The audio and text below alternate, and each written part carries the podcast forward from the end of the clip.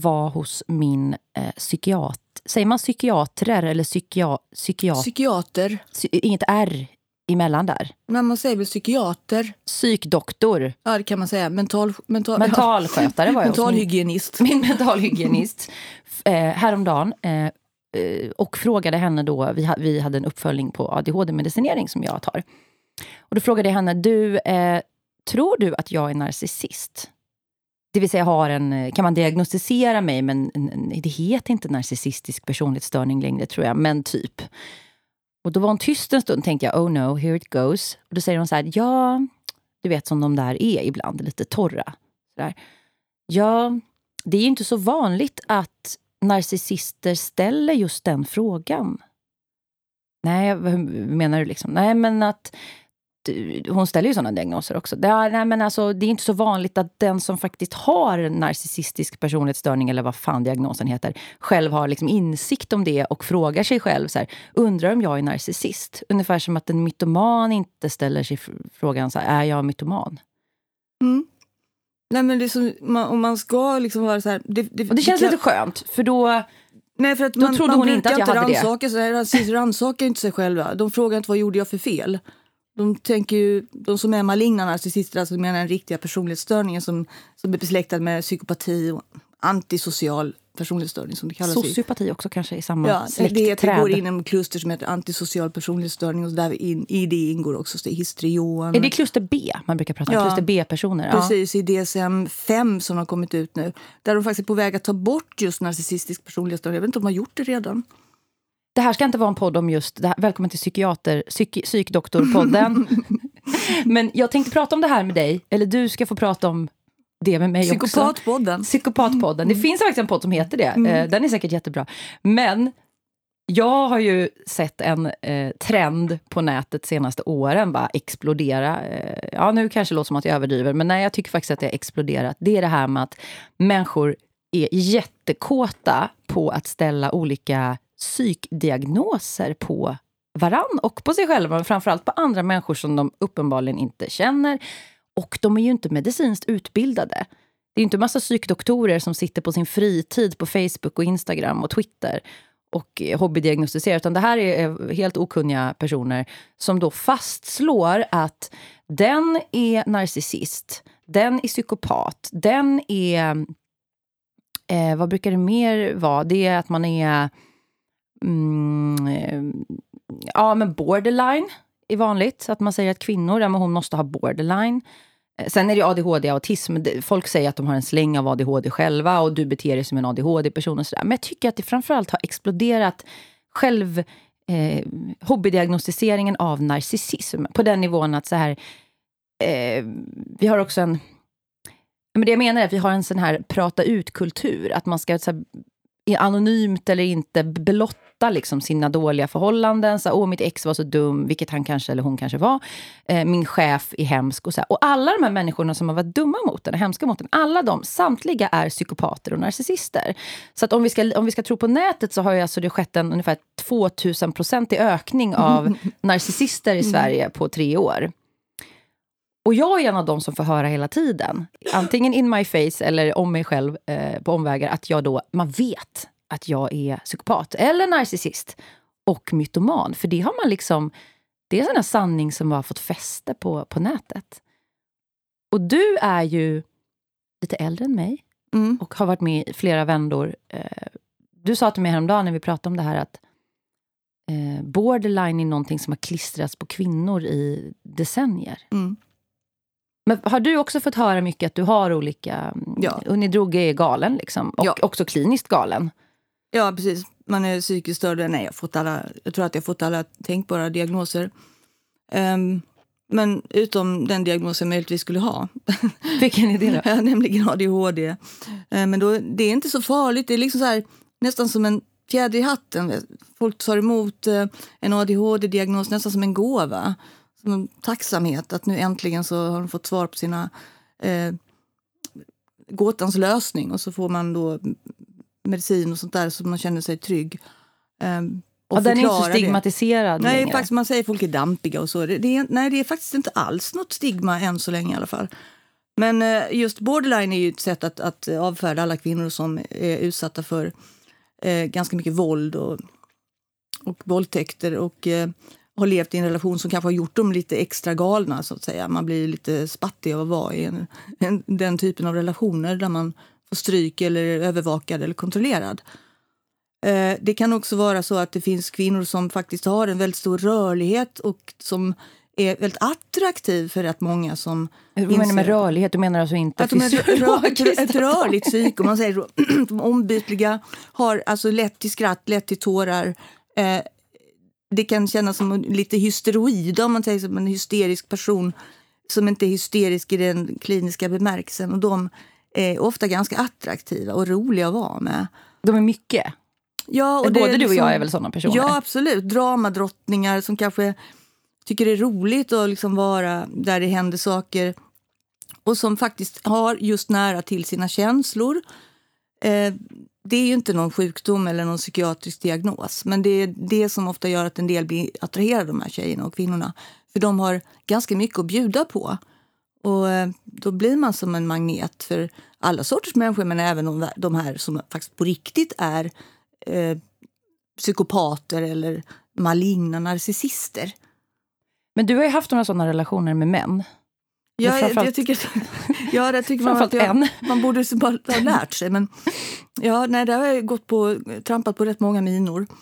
Men de har ju haft, alltså, de har ju haft eh, såklart kollat in eh, mina frekvenser och tyckt att det var bra, här finns det ju mycket att ta av. Mm. Um, så det är rätt lätt att man eh, lockar till sig dem men man lockar till sig alla möjliga andra.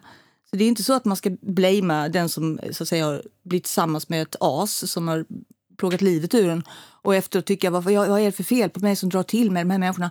Jag måste nästan säga att det är en attraktionskraft som drar till sig alla möjliga. Och att sen de männen så att säga vinner, det är ju för att de lyckas eh, framställa sig själv som något helt annat än det de är. Ja, man blir ju lurad. Jag hade ju haft ett sånt förhållande eh, med en... Eh, nu ska jag inte diagnostisera honom, men om man, om man googlar alla tecken på psykopati, så han checkar liksom alla boxar. Eh, säkert också grandios självbild och allt det där, narcissistiska personlighetsdrag. Men han eh, visade sig, vi var bara ihop i typ ett år, men han visade sig ju ha haft eh, har ändrat sin story beroende på vilken tjej han hade träffat. För han hade ju, väldigt, han hade ju sam, flera kvinnor samtidigt, hur han nu hann med det. Och sen hade han en, faktiskt en sambo efter mig som sen sökte upp mig något år. De, det höll väl också bara något år. Det är väl hans, liksom, han håller inte längre med tjejer än ett år. Um, och då berättade ju hon för mig att um, han hade ju såklart sagt att jag var galen. Alla, och det hade han ju sagt till mig om sina ex. Alla mm. var ju galna och det kan ju vara lite ett varningstecken om man bara har massa galna ex. Som eh, jag då. ja, nej, men du, skillnad på kvinnor och män. nej, du har ju bra ex också. Ja då, ja men då. alltså det här att man självmant måste ta upp väldigt tidigt när man träffar någon och börjar prata om sina galna ex utan att den andra har frågat. Det är väl ett varningstecken. Definitivt. Än om det faktiskt kommer på tal. Så här, jo, ja, du berättar liksom att mitt ex är dömd för att ha slagit mig. Det är lite en annan sak. Men um, han friserade ju så, beroende, beroende på vem han träffade så hade han en helt liksom, storyn kring honom själv. Så här, Åh, vi är själsfränder. Jag älskar också hundar. Fast han hatade hundar, men hon mm. älskade hundar. Så därför blev han hundmänniska. Liksom. Men med mig var han så här, åh, jag har alltid velat åka dit. Och så reste vi dit. För att han hade typ googlat upp att jag hade skrivit en gång att jag vill åka till en viss plats. Så att, skitsamma, det är inte eh, relevant. Men det som är relevant, om man plockar den här eh, liksom geggan av att bara klistra olika diagnoser på varandra och att det finns en viss procent i, mitt ibland oss, det tvistas om hur många procent, men som faktiskt har, är mytomaner, psykopater, kluster B, så, narcissister. De är ju väldigt duktiga på att spegla och projicera, har jag förstått. Och tala om att alla andra är det. Mm. Och då blir det också väldigt svårt att försvara sig som... Det jag ska glida in på är att färskt exempel. Eh, både du och jag har ju råkat ut för personer som har kommit oss mer eller mindre nära. Då inte bara män, utan eh, människor av mm. alla möjliga slags kön som har eh, sökt upp oss för att bli vänner med oss. Eller bara, du har hundar till exempel. Och jag har aldrig haft hund, men jag har förstått att i den världen så lär man känna, liksom, när man är ute med sina hundar varje dag i samma kvarter, så blir man lite tjenis penis med andra hundägare. Mm. Och så kommer du där och ser jävligt majestätisk ut. Det gör du faktiskt med dina två stora, det är två liksom. Ja, det, är, väl- snarare de som ser majestätiska ut. Ja men det är Alltså, också att du är en ganska ja, det, jag förstår nätt, att det nätt, graciös kvinna eh, som är snygg och piffig och har liksom din speciella stil. Och så kommer du med två stora svarta hundar. Det sticker ju i ögonen på människor. Mm, det. Än om du hade haft, sett ut som en grå mus och haft två små taxar. Och som jag har förstått vad du har berättat, bara den grejen att du är den du är och har de hundar du har. Vad heter rasen? Corn- Cane Corso. Cane Corso. Ni får googla Mm. om ni inte vet. Eh, det har gjort att det har skapats en, en bild av dig där du alltså har blivit stämplad som att, som att du är typ narcissist och psykopat. Alltså det, jag har ju läst lite grann på nätet. Mm. Det finns ju trådar om dig på Flashback. Jag vet inte om du har pallat läsa Nej, dem själv. jag orkar inte Men om Flashback. dig och dina hundar. Folk som har liksom en hel... De har ju ställt massa, ställt massa diagnoser på dig. Också på olika ställen. Ja, nej, men det är också det är så Vad har du konstigt. för... Liksom, va, va, varför, det låter lite rörigt här nu, men det jag menar är att om man har, om man är kvinna kanske framförallt, och har en viss approach och är mycket som person, då, och dessutom en offentlig person, då kommer man alltid dra till sig personer som till syvende och sist kommer anklaga en för att vara galen. Ja, Eller det, farlig rent det, av. det är hemskt. Det, det är Men väldigt- kan inte du berätta? Nej, det är ett dilemma. som har hänt, liksom? ja, men det, det är verkligen att det finns ju... De här mekanismerna är ju så att, att det kan vara intressant med en människa som avviker från mängden och eh, eh folk blir nyfikna och det kan man ju verkligen förlåta.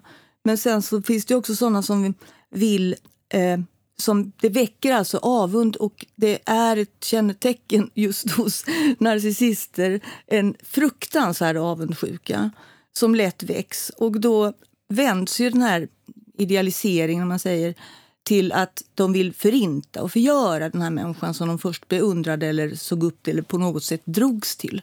Och man råkar nästan alltid ut för den omvändningen eller det, det ombytet om man har om man låter sig så här om man umgås i den, bland den sortens människor som har någon typ av... Jag vill inte ens kalla folk narcissister. Jag tycker bara det finns något gemensamt hos människor som är djupt störda.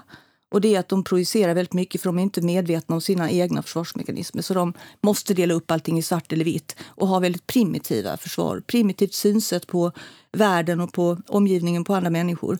Så att man blir alltid degraderad. Det börjar med att man blir upphöjd och sen blir man alltid degraderad. Och de har ju också, Mm. de flesta av de här människorna du kategoriserar nu, eh, kluster B eller vad fan vi ska kalla dem, dårar brukar jag kalla dem. Eh, de har ju också väldigt bra internetuppkoppling nu för tiden allihop, Tyvärr har vi märkt. Man skulle ju önskat att en hel del kunde som förr då sitta och fläta korgar och så inte sitta med en telefon i handen. Liksom. Förlåt, måla tomtar kanske. Mhm. Måla porslinstomtar. Okej, men så det som har hänt då, jag vet inte hur mycket du vill berätta, men du har ju alltså då blivit eh, uthängd på nätet i massa grupper och forum, hundmänniskor emellan. Från och det, hela Sverige. Och det har spridit sig i hela Sverige att du alltså då, vad är det de säger? Ja, det- vad, är, vad är det baserat på också? Det, de, de försöker ju liksom få... De läser ju på vad som kan leda till eh, till exempel restriktioner i hundägarskapet. Så de försöker ju vrida allting ditåt. De vill alltså framställa eh, mig som psykopat då som en fruktansvärt osympatisk figur som bussar mina hundar på andra och njuter av att se hur mina hundar ungefär massakrerar andra, både människor och hundar och katter och allt annat som rör sig. Och det här blir så skrönor som går runt och eh, som folk verkligen tror på. Såna riktiga spökhistorier som de skrämmer upp så många som möjligt med. Och det sprider sig långt ut i landet så att jag kan få sådär eh, hatmobb från eh, Skebo bruk eller Smålands stenar. Eller, Förlåt om jag skrattar, men det är, så Ja, men det, just de det är riktiga platser. Det bor folk där. Ja. ja, men alltså du, Som har jag läst tror om att du dig. vet exakt vad det är som gör det här så bisarrt. Det, och det, det är att de personer som då till exempel hoppar på dig efter ett tag, även sådana som har varit påstått sig vara dina vänner och stå dig nära. Ja, eller Eh, vänner, men, nej, men någon som form kommer. av bekanta eller vänner. Man har ja. helt enkelt öppnat upp och det kan även vara sådana som då anser sig ha rätt att bedöma vem du är eller vem jag är. Och om man då tittar på deras eget track record så är det människor som faktiskt inte alls har, kan visa upp någon, någon, någon så att säga, meriter som dygdemönster. Utan det är människor som har haft klammerier med rättvisan. Det är människor som faktiskt ofta bedrar eh, staten på pengar genom att gå på bidrag samtidigt som jobbar svart. Alltså, de har ju väldigt mycket i sin påse som inte tål dagsljus. Och då ska mm. de ändå komma och vara moraliska och sätta sig på höga hästar och tala om för oss hurdana vi är, hur vi borde vara och att vi på något sätt inte är värda att behandlas med respekt. Men får jag bara ett inspel här? Jag har ju träffat dig och dina hundar väldigt många gånger nu och jag är i grunden ganska hundrädd. Mm. Så jag är nog en bra eh, måttstock här. Mina barn har träffat dina hundar. Jag har aldrig träffat så eh, undergivna, snälla hundar. Eh, alltså de är stora och ser läskiga ut men de är eh, Alltså jag har blivit biten några gånger i mitt liv när jag var liten. Det har ju varit av såna små skälliga jävla taxar och sånt. Dina hundar är eh, helt harmlösa. Och du är en jättebra hundägare, det jag vet. Så att eh, om man bara liksom konstaterar att alla de här ryktena är helt osanna. Du bussar inte dina hundar på någon. Sen kan människor uppleva eh, rädsla ändå. Precis som man, är, man har främlingsfientlighet. Att man har främlingsfientlighet mot hundras. Liksom, att den där hunden ja. ser läskig ut, därför drar jag slutsatsen att den kommer att attackera någon. Ja, eller, eller har alltså, attackerat menar, någon. Mina hundar har tyvärr skrämt folk ibland för att de är vakthundar. Så om människor uppträder på ett märkligt sätt och kommer framrusande mot mig eller låter sina egna hundar komma framrusande utan förvarning, då springer mina hundar fram och skäller. Ja, det kan vara, det kan vara skrämmande. När och det kan ju se stor... läskigt ut och jag förstår det och jag är väldigt noga med att alltid be om ursäkt, hellre en gång för mycket än en gång för lite. Um, för att, och jag har stor respekt för de som på riktigt är hundrädda. Jag ser det på långt avstånd och väljer alltid att gå en annan väg eller ligga åt sidan så att de får gå förbi. Jag tycker det är jättesynd om någon som lider av hundskräck. Så jag försöker inte alls att provocera. Man lär sig också att det var, i början var jag förvånad, jag var chockad nästan. För jag förstod inte att jag blev kallad för knarkhora och alla möjliga andra invektiv när jag bara var ute och gick med min hund som inte ens var fullvuxen. Men det var ju något Nej. nytt för mig, att, att, att detta var liksom en normal reaktion. Att man kan kalla mig precis vad som helst, trycka upp mig mot en vägg och skrika och vråla. Jag är utsatt för så mycket skrik och vrål så att det blir nästan som en alltså normaliseringsprocess. Men det, det tär ju lite grann på en att bli liksom så här påhoppad. Lite grann, det är för ja, fruktansvärt. Nej, men jag får säga det, det som är så jävla konstigt, och det kan man ha en teori om att det är så typiskt svenskt. Men det är fan det. Det är någonting i vårt så nationella Eh, ID, i något kynne i Sverige.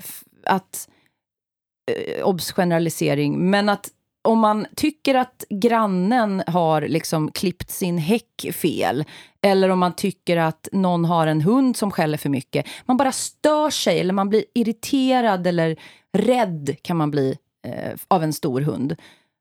Då kan inte väldigt många människor bara på ett ganska sakligt sätt kommunicera det inte ens via en arg lapp längre. Jag vet inte, den arga lappen har liksom dött ja, exakt. ut. Den, den arga anonyma lappen, har flyttat, i tvättstugan. Ja, den har flyttat ut i grupper och så här, ho, mobbar, som det faktiskt är.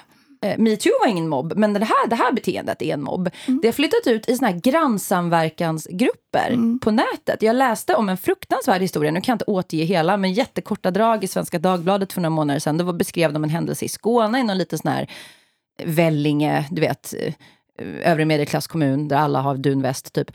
Att det var, de har ju såna här, vi som bor i Vellinge, jag vet inte om det var Vellinge, men eh, en grupp med massa tusen medlemmar som bor där som någon slags, eh, vad händer i området? Och egentligen är det ju som en sån här grann, vet du, medborgargardegrupp light, utvecklas det ju till ofta. Och då är det någon som har sagt jag såg en vit skåpbil igår klockan 15.30 utanför skolan. Ja. Skriker någon i versaler på skånska.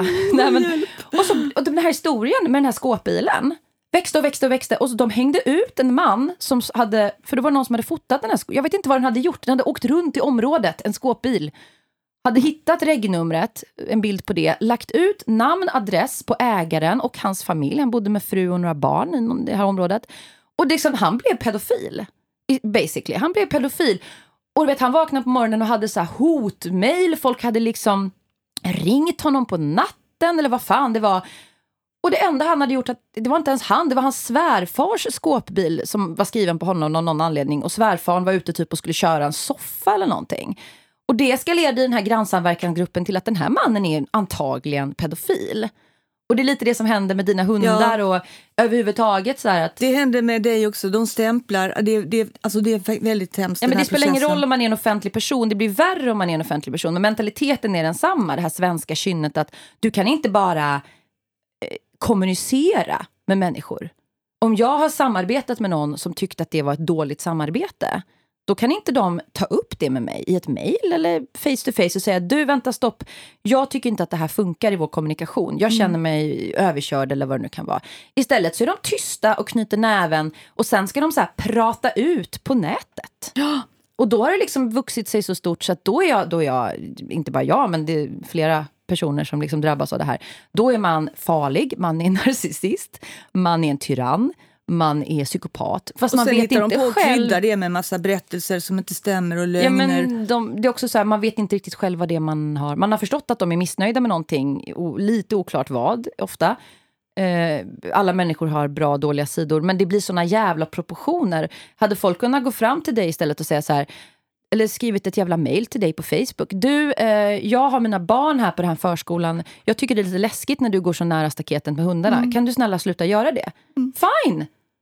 Det, man kan inte säga det på ett trevligt sätt. Istället ska de liksom starta någon Flashback-tråd eller mm. skriva i något sånt där hundforum på Facebook mm. och börja hänga ut dig. Så ska andra så här visklekare hoppa på. Jag har fått höra om mig själv att jag har haft obetalda praktikanter i flera år. Mm. Jag har aldrig haft en praktikant i hela mitt liv. När, vi jobbade, när jag jobbade på TV4 och på radion så hade vi kanalerna praktikanter. Ja, det men det var, inte, det var mm. inte jag som liksom, det var ju kanalen som var snål och sa så här, ah, nu tar vi in praktikant. Och det var ju ofta sådana som gick på journalistutbildningen, så då hade de ändå CSN. Liksom.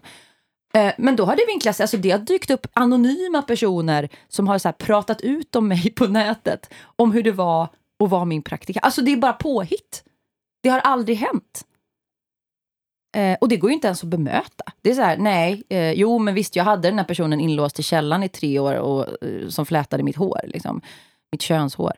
Men vad tror du att de Men alltså, förstår du vad jag menar? Det här ja, är någon jag... sjuk... Alltså jag vet inte om alla de här människorna är störda, men det är ett sjukt beteende Nej, det, att inte bara kunna prata med varann. Det krävs ju att någon då, eh, som de baktalar ska vara så pass känd att de flesta kan ta reda på vem det är. Jag eller... tror inte man behöver vara känd. Det kan ja, men hända det, Ofta i... är det någon som har... Någon, det här med fallet i Vellinge, det är ju, det är ett typiskt eh, alltså, fenomen som man kan uppleva själv också, men som är att när man gaddar ihop sig och blåser upp någonting och utmålar någon som fiende mm. för att den egna gruppen ska känna sig trygg. Eh, det är fasansfullt och det är så det är när man faktiskt förföljer minoriteter och grupper eh, som alltid har råkat ut för just den här demoniseringen och att de blir förvandlade till eh, icke värda eh, att vara människor. De är avhumaniserade, mm. de är andrifierade, de blir djur och då är det fritt fram att behandla dem som djur. Mm. Och det kan, det kan många utsättas för och det, de som blir offer för det här eh, de har inte en chans mot den gruppen. Och Det, det är så obehagligt. Alltså det, det, är sånt som kan leda till lynchningar på riktigt. Mm. Jag har ju gjort det i historien. Mm, ja, det var ju så det gick till. Men, men, vad, vad men det, är, det, liksom... det, kan vara vem som helst som har något, något avvikande hos sig, till exempel en vit skåpbil eller, eller en annan hudfärg eller något, vad det nu kan vara. Men sen kan det också vara någon, någon som så att säga, avviker genom att vara känd eller ha befunnit sig i offentligheten. Och då kommer en annan ett annat hat fram och det är att man tror att man är för mer än andra. Och då ska man plocka ner de personerna. De ska inte tro att de är bättre än någon annan. Men är det, väl... är det en sån primitiv drivkraft då? Ja, det är det det som gör att man vill demonisera? Det kallas ju för jantelagen, det är ju inte något nytt. Men det, finns den? Är inte det bara en myt? Alltså den finns ju, det kan väl de flesta vittna om, att du ska hålla dig, du ska vara som gruppen, du ska inte avvika allt för mycket. Nej. Ehm, det kan man ju märka liksom även i samhället att det, det, är en ganska smal väg att gå. Det krävs inte så mycket idag för att avvika och alla är så livrädda för att bli utfrusna ur sin flock. Det vet vi ju. Det, är, alltså det behöver man inte ens nämna. Alla är, alla är rädda för det såklart, att bli socialt eh, utstötta. Ja, men det sociala stigmat. Att man ja, givetvis. Är, ja. Så det är ju klart att det är av överlevnadsvärde att tillhöra en social grupp. Men jag tycker att det har gått... Det är någonting som har trappats upp i det här. För vad vill de? Ja, dels är det roligt att ha någon att surra om, snacka skit om, hitta på saker om, sprida ordet vidare om. För då har man något intressant att berätta. Det tycker folk är jätteroligt att få lov att berätta skvaller. Mm. Men det finns ett steg till i den här processen som jag tycker är otäck. Och det är att de vill mer. Det räcker inte med att man sprider ut falska rykten, skvaller, lögner och allt det där. Det hade kunnat stanna där vid och då hade jag tyckt, ja trist men visst. Men de vill ett steg till, de vill straffa de som de har utsett som skvallerobjekt eller hatobjekt. Mm, hur då de, tänker du? Hur ja, vill de straffa? På olika vis. Det räcker inte, och det kan man ta hela den här cancel eh, culture som det kallas. Att man eh, avplattformar, alltså man eh, ringer upp uppdragsgivare, arbetsgivare. Man, alltså man ringer till högre ort, hyresvärd. Eh, istället för att tala med sin grannen så ringer du hyresvärden anonymt. Eller så kräver du att olika uppdragsgivare ska Eh, stänga av den här personen från sina uppdrag. Och när man har gått så långt då vill man ju skada den här personen. Man vill straffa den här personen för den avvikelse man inte tolererar. Och det, ja, det, det ser man ju eh, hända många personer som faktiskt bara... Eh, ja, man tänker, vad, vad, är, vad är det de har gjort och vad är det de ska straffas för? Eh, och det är ju ofta brottet, det är åsiktsbrottet. Mm. Det, och så skrivs det om till att man ska ha gjort saker mot personer, till exempel med dina hundar eller med mig, rykten om mig på nätet. Så här. Eh, det skrivs om till att dina hundar faktiskt har bitit ett barn, fast mm. inte har det. Mm. De inte har det. Eller att jag har eh, liksom varit någons chef som har utnyttjat någon, vilket jag inte har varit. Eh, och det är ju, när man då har konstruerat någonting som då ska eh, vet du, leda till ett straff. Här mm. har vi brottet. Nu har vi mm. konstruerat brottet. Vad är straffet? Och nu vill jag bara lägga in en disclaimer. Då kan man säga så här, du då? Du har hängt ut en person för våldtäkt och män för att... ja, jag har berättat min egen historia. Mm. Om någon vill kliva fram och berätta så här, så här var det, Sissi misshandlade mig, eller hon våldtog mig, eller liksom om det är faktiskt ett brott jag har begått mot en annan människa. Hon lurade mig på pengar. Här, är liksom, här ser ni eh, hur hon bevis för att jag liksom har stulit någons pengar eller vad det kan vara. Fine! Då har de människorna rätt att berätta det. Men när det bara blir den här demoniseringen där man, inte, man, man ger liksom bara bits and pieces. Man berättar inte så här, vad är det egentligen Unni Drougge skulle ha gjort.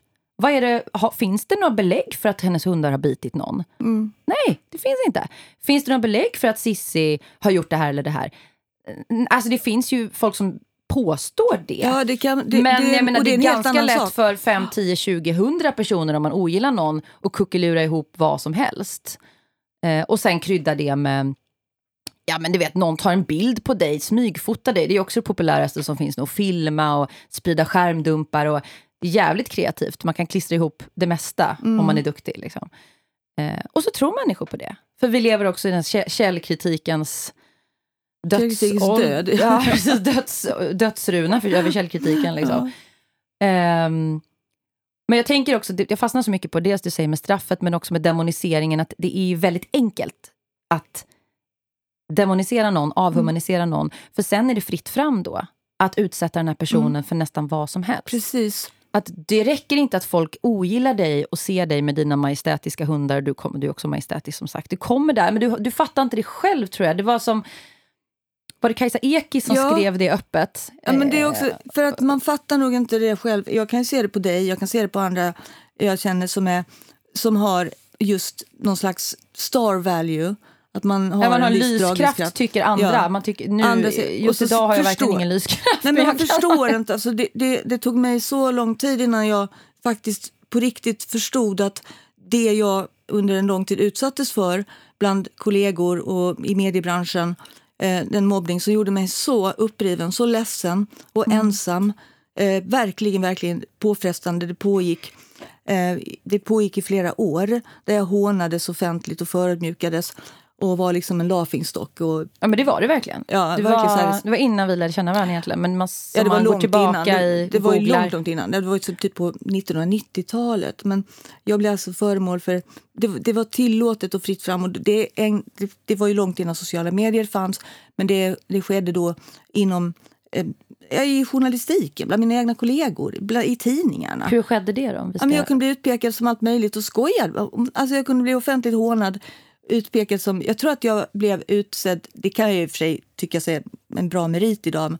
Jag blev alltså Sveriges sämst klädda kvinna, tror det var tre år i rad. Och jag blev Mm. utpekad i Amelia som den kvinna som svenska män minst av allt ville gifta sig med.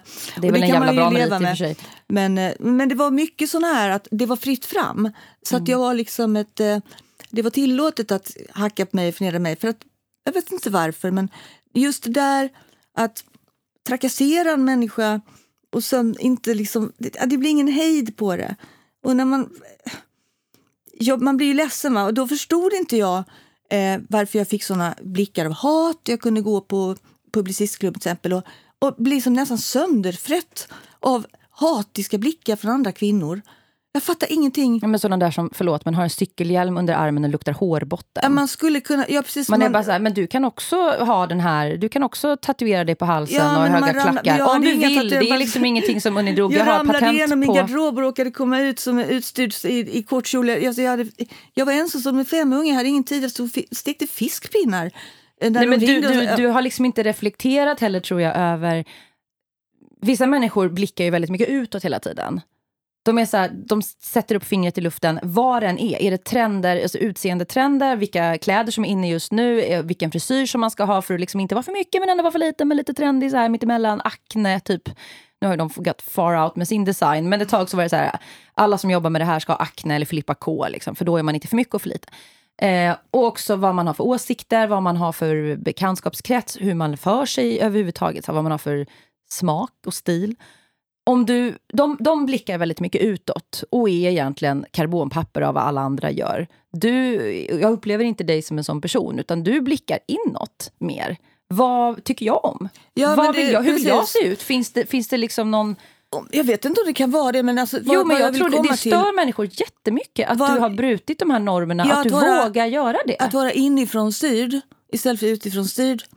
Eh, det, eh, och det har jag alltid tyckt varit jätteviktigt, att man så att säga, lyssnar på sin egen röst så som Sokrates, som man tog tillbaka till antiken. När de här tankarna kom, luftades för första gången kan man säga eh, know thyself. Alltså, och just att tänk själv.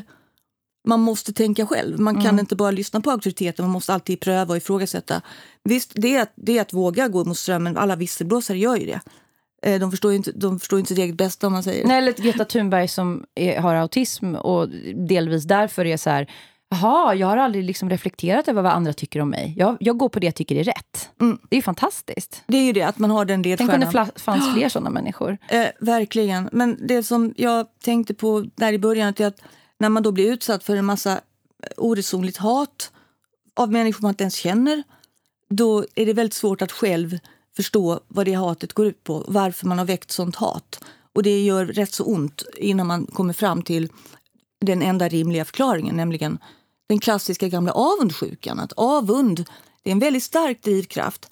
Och Och missundsamhet Ja, kanske, och det är ungefär eller? samma sak. Och Missunnsamhet är ju besläktat, det är kusinen till avund som är värre, den onda kusinen. Avund kan man väl känna, men att då också vara missunnsam, då vill man ju förstöra.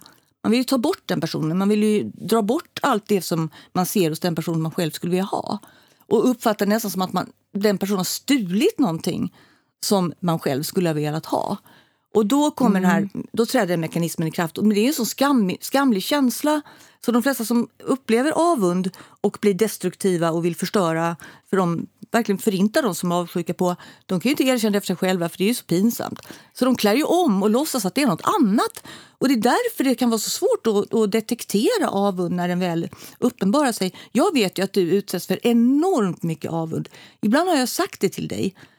Men det är svårt att se själv. Och Ekis eh, som skrev någon instapost där Ja, det var så himla roligt. Ja. Så, du kan berätta, för Ja, du men alltså, kan sammanfatta. man tänker så här, har hon inte förstått? För hon skriver så här och är ledsen för att eh, hon kan se kvinnor på bussen som ger henne mördande blickar när hon bara sitter där med sitt barn. Eh, hon går liksom på, över en gata och liksom möts av ja, men, så, riktigt uttryckt hat. Och hon fattar ju inte. Nej, men hon berättade också att hon var på biblioteket och skulle skriva ut, eller hon skulle göra någon helt vanlig grej och människor, flera människor på rad bemöter henne sådär snäsigt, och, som att hon har gjort dem någonting. Ja. Och så tänkte jag så här, men jag, jag, tror jag, jag vet inte om jag skrev det eller om jag tänkte det, men att men herregud, du kommer in där, hon ser ut som en Hollywoodstjärna. Ja. Alltså hon är lång, Ja. ståtlig, eh, har så här, hela hennes uppenbarelse. Alltså hon är så perfekt som man skulle tro att det var en skyltdocka. Alltså hon är så jävla snygg. Ja, men hon har inte heller den här, när hon rör sig, när hon kommer gåendes, oavsett om hon har på sig ja, hon är ofta ganska snofsig, men vad hon än har på snofsig. sig så är hon som att hon äger världen. På ett ganska eh, manligt... Eh, alltså, kvinnor för sig sällan på det sättet som män gör. Och det är inte kvinnors fel, för vi blir så jävla nedtryckta så fort vi andas. Men hon har liksom, av någon anledning så, så tar inte hon hänsyn till de här spelreglerna. Utan hon bara glider fram som att hon är en stjärna. Ja, för, och, och det strålar Självklart. om henne. Självklart. Hon går inte runt och påpekar det, utan hon bara har den här Ja, hon, men det, grejen är att hon förstår glansen. inte det själv. Liksom. Jag, jag uppfattar, och så är hon smart. Jag uppfattar henne hon... som precis, exakt, inifrån styrd. hon eh, har inga baktankar med det. Hon klär sig som hon tycker är snyggt. Hon ser ut som hon tycker om. Eh, men hon ser ut och ser verkligen ut som en filmstjärna. Och hon klyver liksom hela Sergels Jag skulle möta henne på Sergels torg. Hon klöv liksom hela plattan och kom gående. Och folk bara stannar och liksom tappar hakan. För det lyser så om henne. Hon ser fantastisk Hon är smashing. Eh, och det är därför folk blänger på henne och ser så arga ut. För att de står inte ut. Det finns väl ingen annan förklaring. För menar, det är en sak om du har haft relation med någon, eh, vänskap eller yrkesrelation eller kärleksrelation som avskyr dig för att de tycker att du en avsky, dina personlighetsdrag är avskyvärda. Men när man blir demoniserad av människor som uppenbarligen inte känner en. Jag har ju blivit så här hat, alltså fått liksom hatfulla mejl och även att man märker mellan raderna när folk skriver om en av personer som jag kanske har pratat med en gång i tio minuter. Och vet att jag var trevlig mot, för jag är generellt väldigt trevlig. Eh, sådär, inte otrevligare än någon annan. Liksom. Men det spelar ingen roll. Och det är också så himla infantilt att tänka själv så ah, de är bara ah, avundsjuka på mig. Så jag tror att det handlar om många olika saker. Men absolut att det kanske kan spela in att de inte kanske är avundsjuka på mitt hår eller på min hållning. Utan de är avundsjuka eller stör sig på att man är en eh, liksom, att man har en kompromisslöshet och en inifrånstyrning som de hade önskat att de hade. Säkerligen kan det vara det. Och det är väl ingenting man mm. bekänner eh, sådär, ja, jag tycker det är fantastiskt med människor. Jag försöker vara en sån person själv som säger så här, fan vad jag är avundsjuk på det här. Det kan man säga tycker Hos jag. dig. Alltså jag är väldigt sällan avundsjuk på materiella grejer. Vi går ju liksom inte i åttan längre. Men man kan bli avundsjuk på någons kunst. Jag kan vara avundsjuk på att du är så jävla intellektuellt liksom, programmerad på något sätt som jag behöver verkligen anstränga mig ja, för men det, ens... den, den drivkraften är absolut inte fel. Utan när det slår över i missunnsamhet. Ja, det är inte så att jag går härifrån och här, jävla Unni, nu ska jag straffa henne för att hon överglänser mig ja. intellektuellt. Och, och dissa henne och liksom kalla henne för allt möjligt och, så att man ska liksom få bort så att inte de ska ana att, du, att det bara är missunnsamhet och avund. Men det är faktiskt ett jättestort problem som, eh, där folk också... Jag tror att det är så här också att när folk ser någon som de uppfattar som inflytelserik, har stor plats i offentligheten som du verkligen har. Det som du, naturligtvis, jag tycker du har skapat den helt och hållet själv. Ja, jag har Eftersom inga föräldrar ditt, som heter Bonnier Nej, efternamn. och ditt Instakonto har du byggt upp själv och eh, bara, det har liksom då råkat bli större än Dagens Nyheter ungefär. Men, ja, jag har ju fler klick per vecka än ja, vad de svenska nyhetssajterna har. Ungefär. Ja, det är jätteroligt. Men eh, det är, samtidigt är det ju eh, vad folk ser då är att du har inflytande, du mm. har makt, du har en plattform, du får tillträde till olika offentliga forum. Eh, och då tror jag att de är avundsjuka, för de, de tänker såklart att de också hade velat. För de tror att det är så privilegierat och roligt och häftigt och att du lever liksom ett, ett liv dolce vita. Och de tänker, antagligen skulle de, om de fick den chansen och satt där du satt, så skulle de vara så malliga så de skulle spricka. Och då tror de att du är det. Men du tänker inte på det. Jag tänker inte på det. Går du omkring och tänker när du går på gatan, här är jag, jag har makt, jag är inflytande, jag är känd, jag är en offentlig person. Nej, jag blir, jag blir genuint, varje gång någon kommer fram och man ser att de söker ögonkontakt och vill prata med en. Varje gång så får jag några sekunders panik att de ska kasta någonting i ansiktet på en eller bara kalla en någonting. Men i 99% av fallen så är de ju så här, gud jag tycker du är så bra, jag läste din bok, jag läste din krönika där mm. och det i Expressen. Uh, och, och, lyssna på podden och sådär. Men då blir man nästan lite så ja, jag blir förvånad. Så här, ja, jag, blir förnärmad. Mina cirklar rubbas av det, för jag, jag, är inte beredd på att någon ska ens känna igen mig. Och det är därför det är så konstigt att de tror att vi går omkring så här med näsan i vädret, tycker att vi är högfärdiga och märkvärdiga och att vi försöker göra oss till eller, eller ta plats från andra. Det är det som är så hemskt. För det men så det finns ju människor som såklart gör det. Så det är väl Ja, men de veta. skulle säkert vara såna om de fick chansen. Själva alltså. Men vi, Ja, jag känner ju inte kanske. alls det. Jag, och, Nej, det är just, du är ju inte sån. Det skulle jag inte säga. Du är ganska blygsam. Man tänker inte på det. Men, men om man ska sammanfatta lite. Jag, för nu blev det många trådar, men just det här med att jag tycker verkligen att vi lever i en tid, oavsett om det är kändisar eller helt vanliga vanlisar, typ en man i Skåne som har en skåpbil, eh, som då blir... Alltså sträckan från någon slags oro eller åsikt till total demonisering är ju extremt kort. Mm. Den är som ett ADHD attention span. Det är så här, ding! Och så har vi bestämt oss generellt. Eh, inflationen i att diagnostisera, det finns ju alltså konton på Instagram, svenska konton och utländska konton på engelska, som heter typ så här narcissist recovery eller så här narcissisten bla bla bla.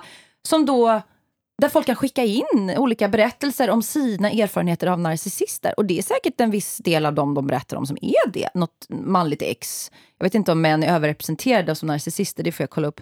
Eller om det är ungefär 50-50. Ja, när det gäller just det som ska vara den här maligna narcissismen som de pratar om, där psykopat, alltså det är någon slags, det, det, på något gradskillnad växer ihop. Där är det nog mest eh, manliga, eh, manliga gärningsmän eller manliga skurkar. Men, men alltså, du, precis, vi får kolla upp, det är jävligt intressant, så det ska jag läsa på om, hur, hur könsfördelningen ser ut rent kliniskt. Men det är också så här, den här kulturen på nätet där vi bara ska sätta etiketter på varann och på andra. Eh, det blir lite som, vad heter det, oppression eh, Olympics, om du talar om det. Du får berätta. Nej, men Jag- Oppression jag vet- Olympics är ett uttryck som så här, sociala medier-uttryck, jag vet inte var det kommer från från början. Men att man ska tävla i förtryck, så här, vem är mest förtryckt? Ja, just det. Och om man själv Rock då... to the bottom. Ja. Ja, om man Eller själv, race to the bottom. Ja. ja, men det är ju bara det. Om man själv sätter eh, diagnosen på sig själv, man kanske inte ens har den. Så här, jag har eh, autism eller jag har ADHD för att jag, allt stämmer in när jag googlar.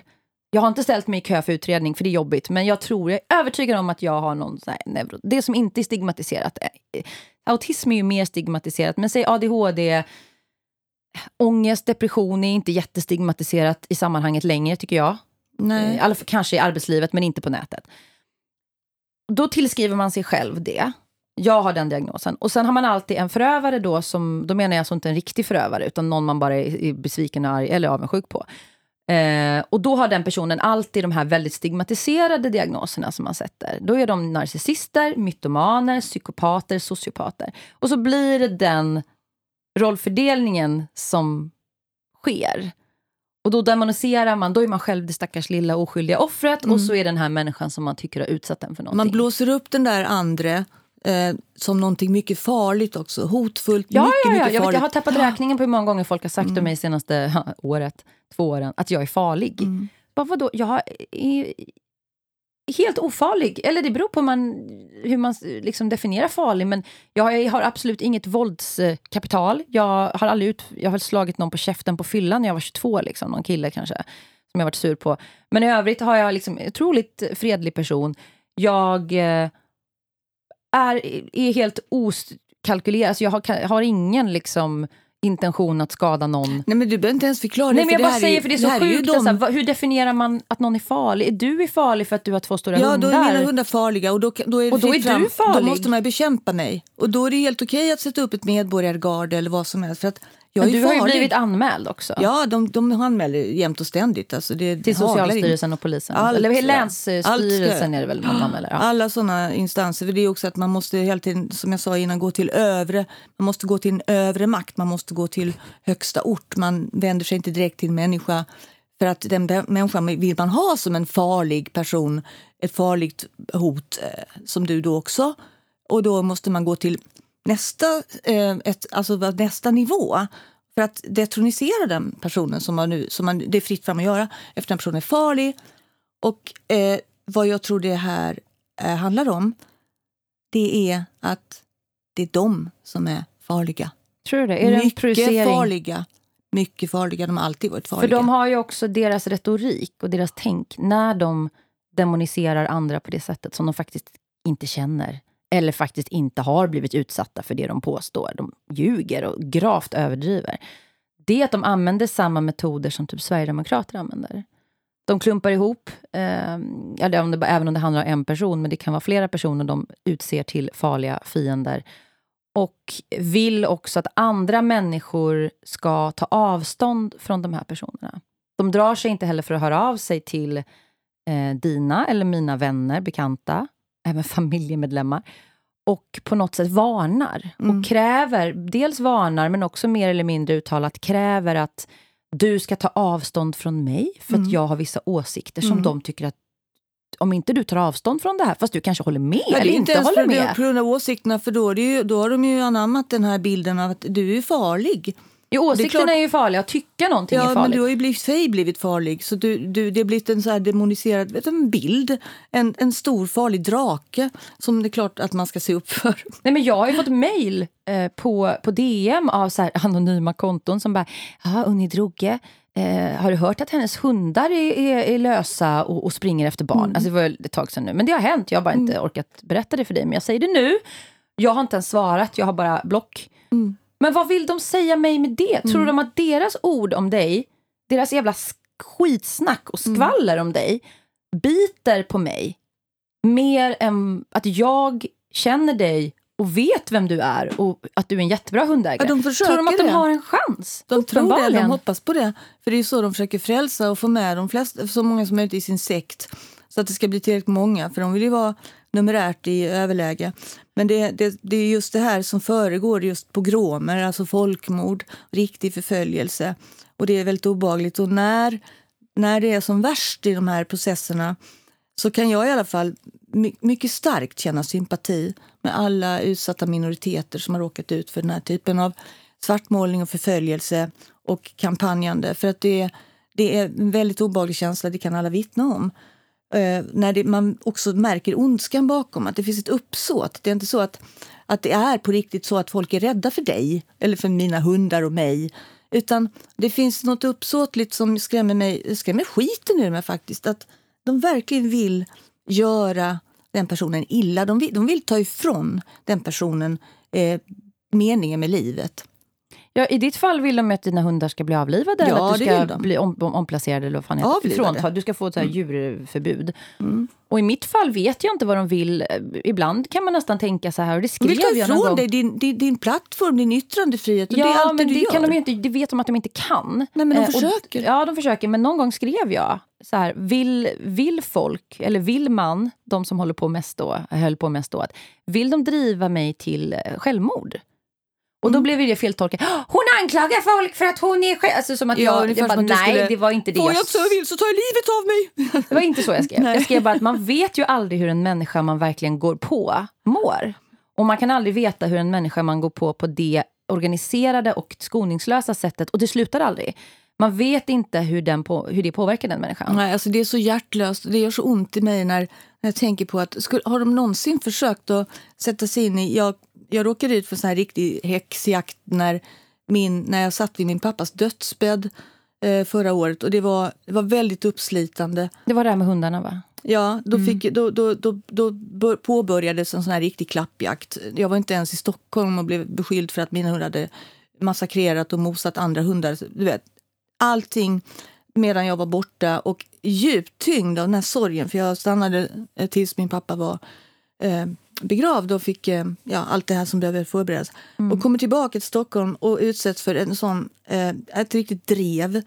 Eh, som i, i, kan se, tyckas litet i skalan eh, men när man jämför med att du kan utsättas för drev som faktiskt eh, Nej, men man ska inte jämföra, för men det är, det är samma, samma känsla. Det är samma ja. sak, det är samma process.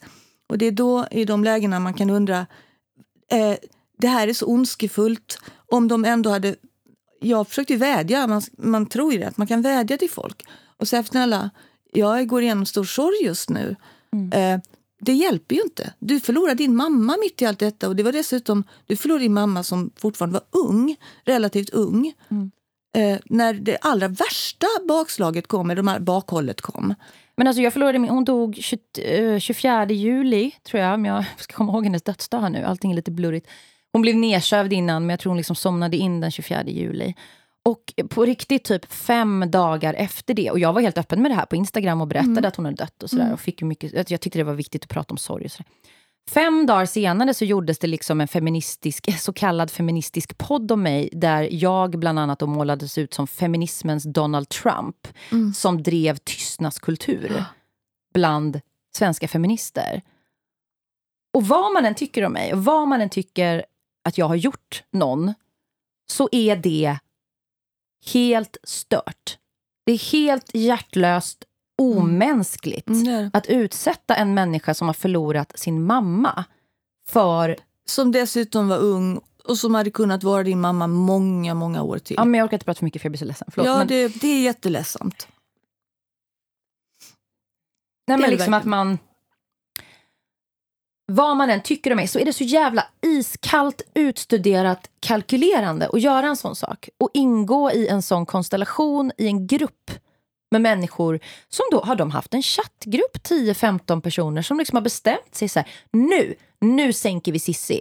Nu har hennes mamma dött. Nu har ett av hennes projekt, det var inte ens mitt eget projekt, jag var en del av en ideell förening som av olika väldigt mänskliga anledningar inte fungerade. Och det är sällan en persons fel att det blir, liksom, blir fel. Att det blir en konflikt. Det är ju Precis. ofta flera parametrar, flera personers eh, agerande som leder fram till det. Men då var det som att man unisont gick samman, även personer som inte ens hade varit med. De hade kanske varit med på ett möte hemma hos mig när jag bjöd på pizza. De kanske hade varit, och jag ska inte säga jag var så generös, men jag var generös. Jag var generös emotionellt också. Bara, Kom in, var med, vilka vill vara med, vad tycker ni? Och de bara passade på. Mm. Som att så här, nu har hennes morsa knappt kallnat. Nu ska hon köras till bårhuset liksom, på Karolinska. Nu kör vi! Jag kommer aldrig förlåta det. Nej, Jag kommer alltså, aldrig förlåta det. Kristina Herrström har ju precis kommit ut med en bok som heter Ödeläggaren. Och den här Den är fantastisk. Jag har Ja, läst den nu. Ja. Jag vill också rekommendera den. Eh, den eh, jag har känt till historien länge, men det var då allting klarnade för mig. Och hon beskriver just här när hennes, hennes pappa dog. Förlåt, min stol knarrar. Fortsätt. Ja. När hennes pappa dog, eh, då blev det fritt fram för den här psykopaten att verkligen sätta in kniven och vrida om den. För att då, när man, när man är i sorg eller ömsar skinn eller är i en svår situation i livet, och man kan ha skilt sig eller vad det nu råkar vara, då är, är man ganska så skör, alltså man är, man är hudlös. Och då är det rätt lätt för såna att de vittrar i blod. Va? Hajarna flockas Men jag förstår, och det här är väl, om vi ska avsluta. Ja, men det var ju då den psykopaten verkligen fick kontroll över henne. ja. Han Ja. passade på för att Ja, hon och var då är det ju psyko- psykopatoida eh, tendenser att just göra så mot dig till exempel i grupp. Eller att rikta sig mot Men en är alla de psykopater? Kan de ju inte vara. Det måste Nej, men vara det är psykopatoid. drivkraft. Man kan tänka sig som psykopatoid process. Eller hur? Ja, ja, ja. Det är ju så det går till. Jag menar, alla som röstade på Hitler var ju inte psykopater. Men, och, all, sådär, och så vidare och så vidare som han har den här den banala ondskan.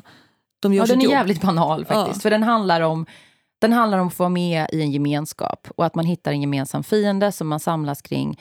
Och så bygger man liksom hela sin existens i en period, nästan, det verkar ju nästan inte bättre, kring en person. För Men den egna okej- sammanhållningen blir bättre då ju. Ja. Man projicerar allt sitt hat på en fiende. Men det är ju som sagt, återigen, det tycker jag är det viktigaste. De personer som ägnar sig åt sånt här och påstår att andra människor utan grund alltså då är farliga, de är jättefarliga. Mycket farliga. Jag tycker också det finns en, vi ska avsluta har jag sagt fem gånger nu, men, men bara så allmänt. Att det finns en Eh, det finns en så här medlöparkultur på nätet, just i de här forumen. Grannsamverkansforumen eller hund, vi som har hundägare på Södermalm, jag vet inte, jag är inte med där för jag har inte hund. Att man ser de här trådarna eller man får skärmdumpar och läser när folk stämmer in.